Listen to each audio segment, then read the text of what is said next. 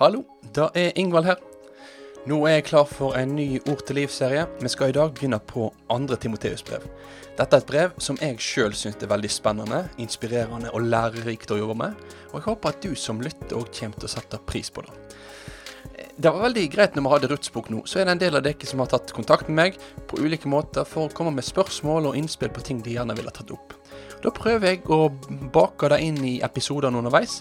Og da vil jeg bare oppfordre deg til nå, i starten av denne serien, ta kontakt med meg. Er det sånn at du leser andre Timoteus brev, har spørsmål til noen bibelvers send de over til meg. Skriv på eh, ja, Twitter, Facebook, Instagram. Ring meg. Nei, for, ikke, ikke ring meg. Ikke gidda. Eh, men eh, sosiale medier, det funker.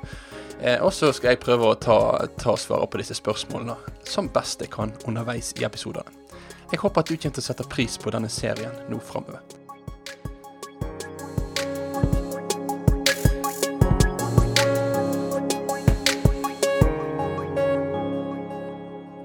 Du skulle ha skrevet et brev til framtidige kirkeledere om hva som var avgjørende for kirka si framtid, hva ville du ha vektlagt i dette brevet? Om du skulle ha prøvd å sette fingeren på hva utfordringer de sto overfor, hva ville du da ha svart?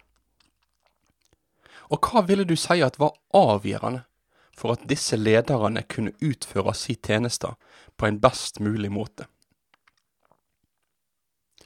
For snart 2000 år siden så satt en gammel mann fengsla i Roma. Han hadde i mange år vært en høvding blant de jesustruende menneskene som bodde rundt omkring i Romerriket. Med sin spesielle autoritet, en autoritet som var ifra Gud sjøl, så hadde han reist rundt og proklamert budskapet om at Jesus var Messias. Han hadde veiledet menighetene i mange ulike spørsmål. Og han hadde òg holdt kontakt med mange forsamlinger gjennom disse ulike brevene som han skrev.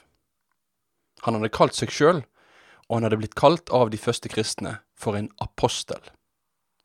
Han var Guds autoritative utsending, med navnet Paulus. Nå nærmer livet hans seg slutten. Han visste at dette fengselsoppholdet etter all sannsynlighet kom til å ende opp i martyriet. At han måtte bli et blodvitne som ble tatt livet av på grunn av da han hadde forkynt om Jesus.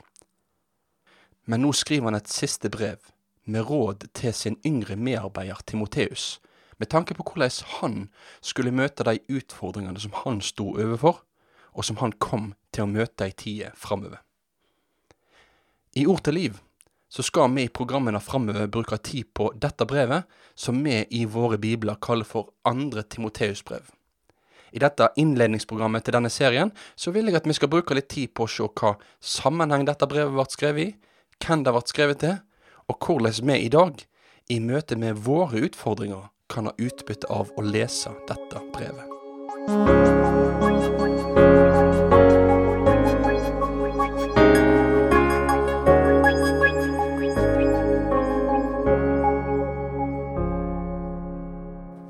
Vi skal begynne med å se på hvem som har skrevet dette brevet. Brevet sjøl blir innleda på følgende måte i 2. Timoteus brev 1 og vers 1. Paulus, Kristi Jesu apostel etter Guds vilje, utsendt med lovnaden om liv i Kristus Jesus. Helser Timoteus, mitt kjære barn. Så brevet sjøl gir seg ut for at det er Paulus som har skrevet det, og at det er skrevet til Timoteus. Likevel så har en god del forskere i løpet av de siste par hundre årene sådd tvil om egentlig Paulus kan være forfatteren. Og Det er mange ulike argument som har blitt brukt i denne sammenhengen. Et av de vanligste argumentene handler om forskjellen i ordforråd og tematikk i pastoralbrevene, altså Titus, første og andre Timoteus brev, og mer uomstridte Paulusbrev som romerbrevet og korinterbrevene. Det har vært henvist til at det er så stor forskjell her i tematikk, i ordforråd, alt sammen, at dette her da ser ut til å stamme ifra ulike forfattere. Men for min del så er jeg langt ifra overbevist om at uh, dette her faktisk stemmer. Når det gjelder denne forskjellen i ord- og temavalg, så kan jo man bare se på moderne forfattere. Der ser vi jo at forfattere bruker ulike ord og belyser ulike temaer og skriver på veldig ulike måter, alt etter hva hensikten med deres litterære verk faktisk er.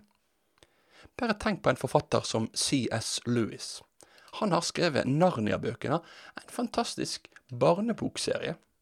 Men så har han òg skrevet Djevelen dypper pennen.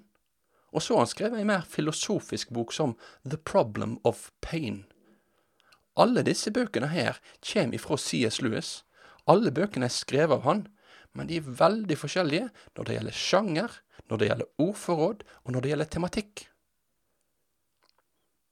Jeg kan derfor ikke se at dette er et veldig sterkt argument mot at Paulus skal ha skrevet 2. Timoteus brev. Nei, min klare overbevisning er at det som har vært den tradisjonelle kirkelige oppfatningen, og det som er Skriftet sitt eget vitnesbyrd, faktisk stemmer. At dette her er et brev som er skrevet av apostelen Paulus. Det er lang kirkelig tradisjon for å tenke at Paulus, etter at han var fengsla i Roma, sånn som vi leser om det i slutten av postgjerningene, kan ha blitt sluppet fri fra fengselet sånn rundt år 62. Og etter dette her så kan han ha hatt noen år med aktiv misjonsvirksomhet. Kanskje han har reist til Spania og reist rundt til en del av de menighetene som han tidligere har grunnlagt, før han på nytt blir fengsla. Og Da nærmer vi oss år 67, og i år 67 så har keiser Nero i Roma en forfølgelse der det er lang tradisjon for å tenke at Paulus blei drept. Så jeg vil fastholde at Paulus skriver dette her. Han skriver det mot slutten av sitt liv, fra fengselscella i Roma til sin nære medarbeider Timoteus. Timoteus, som mottar dette brevet, han er nok en av de mer kjente medarbeiderne til Paulus. Det var et nært forhold mellom de to, noe òg starten av dette brevet her får fram med at Paulus tiltaler Timoteus som sitt kjære barn. I løpet av gjennomgangen av dette brevet så kommer vi til å stoppe opp for litt ulike sider ved livet hans, men helt innledningsvis nå så vil jeg at vi skal merke oss et par ting. Det første jeg vil at vi skal merke oss med Timoteus, er at Bibelen beskriver Timoteus som et menneske der trua på Jesus har satt dype spor, og han var et stort forbilde for andre truende. Vi møter han først i apostelgjerningene 16, og der står det om hvordan folk rundt ga gode skussmål til han for tru hans. I Filippabrevet 2 så skriver Paulus om han, og han skrev at han har ingen andre medarbeidere som kan sammenlignes med Timoteus. For Timoteus, han er en som så ærlig og uten skjulte motiv kan ha omsorg for forsamlingen, mens Paulus opplevde at veldig mange andre de hadde sin egen interesse i bakhovet, i alle fall når de utførte sine tjenester. Og han ser ut til å være forholdsvis ung, men selv om han var forholdsvis ung, så oppmuntrer Paulus Timoteus til å være et forbilde for de andre truende. Dette står i første Timoteus brev, kapittel fire og vers to. Men samtidig som han er et menneske som er grepen av Jesus, og hans liv vitner om akkurat dette, så har han òg sine kamper. Gjennom Paulus sine formaninger, som vi kommer til å gå nærmere inn på i andre Timoteus brev, så kan vi få noen hint om hva Timoteus kan ha kjempa med i sitt liv. Det kan se ut som at han kunne bli dratt mot motløshet og mot frykt. Og han blir òg formanet av Paulus til å legge av seg ungdomslystene sine. Det er denne mannen som på ei og samme tid er grepen av Kristus, og som fortsatt trenger å bli formet av Kristus, som Paulus skriver dette brevet til.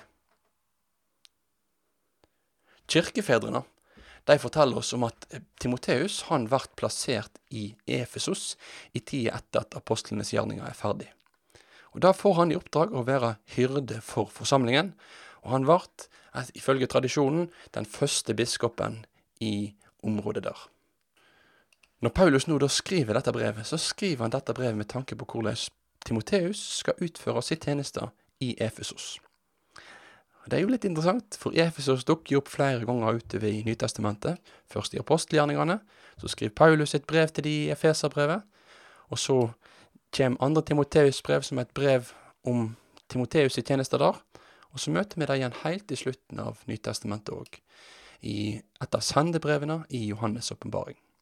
Andre Timoteus' brev er da blitt til noen år etter Efeserbrevet var til, og noen tiår før Johannes skriver sitt sendebrev til menigheten i Efesos. så blir da spørsmålet for deg og for meg hvordan kan vi ha nytte av et sånt personlig brev som andre Timoteus brev? Du og jeg, vi kan jo lett tenke at vi lever jo ikke i år 67, og vi lever jo ikke i Efesos. Det er helt rett. Enhver tid og enhver kultur presenterer oss med særegne utfordringer og muligheter til å forkynne evangeliet om Jesus. Det skal vi være oppmerksom på.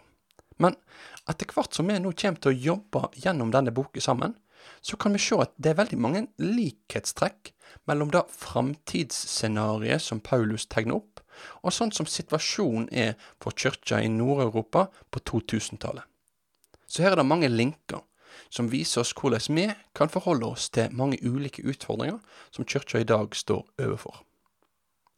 Men viktigere enn dette, så er det sånn at denne boka her viser oss at det avgjørende for Timoteus ikke først og fremst var strategien eller kulturkunnskapen. Det avgjørende var hvem han trodde på, hvordan han skulle leve, og hva han skulle følge si pastorale tjenester med.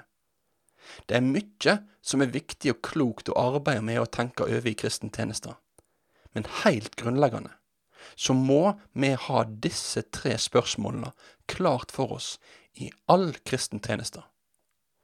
Hvem tror vi på? Hvordan er vi kalt til å leve livene våre?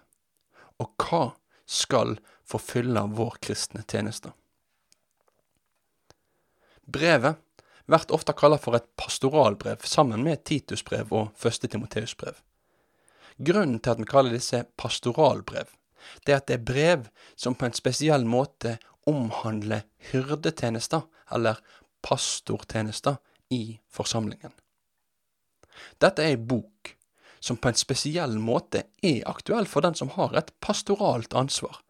For da boken ble jo skrevet til en ung pastor. Så alle eldste, alle pastorer, alle prester og alle forstandere rundt omkring i ulike menigheter bør derfor lese og lære seg innholdet i denne boka. For her blir det gitt avgjørende, og jeg vil si ofte oversett, veiledning for deres tjenester. Men om du ikke er en pastor eller forkynner, så er likevel denne boka viktig for deg. Den er viktig både for ditt eget gudsforhold og hvordan du forholder deg til livet i denne verden. Men den er òg viktig fordi den lærer deg om livet i den kristne forsamling. Du lærer om forkynnelsens innhold og viktighet. Du lærer om hva som må kjennetegne de som skal ha et lederansvar i forsamlingen. Du lærer om hvordan du skal få tenke om Bibelen. Og du lærer om hva som er det forventa resultatet av å leve et liv i trufast tjeneste for Herren. Denne boka, med Paulus sine siste ord, er klargjørende og retningsgivende for oss. Den viser oss hvem vi trenger å tro på, hvordan vi skal få leve livene våre, og hva vi skal få forkynne i en verden med økende skepsis til kristen tro.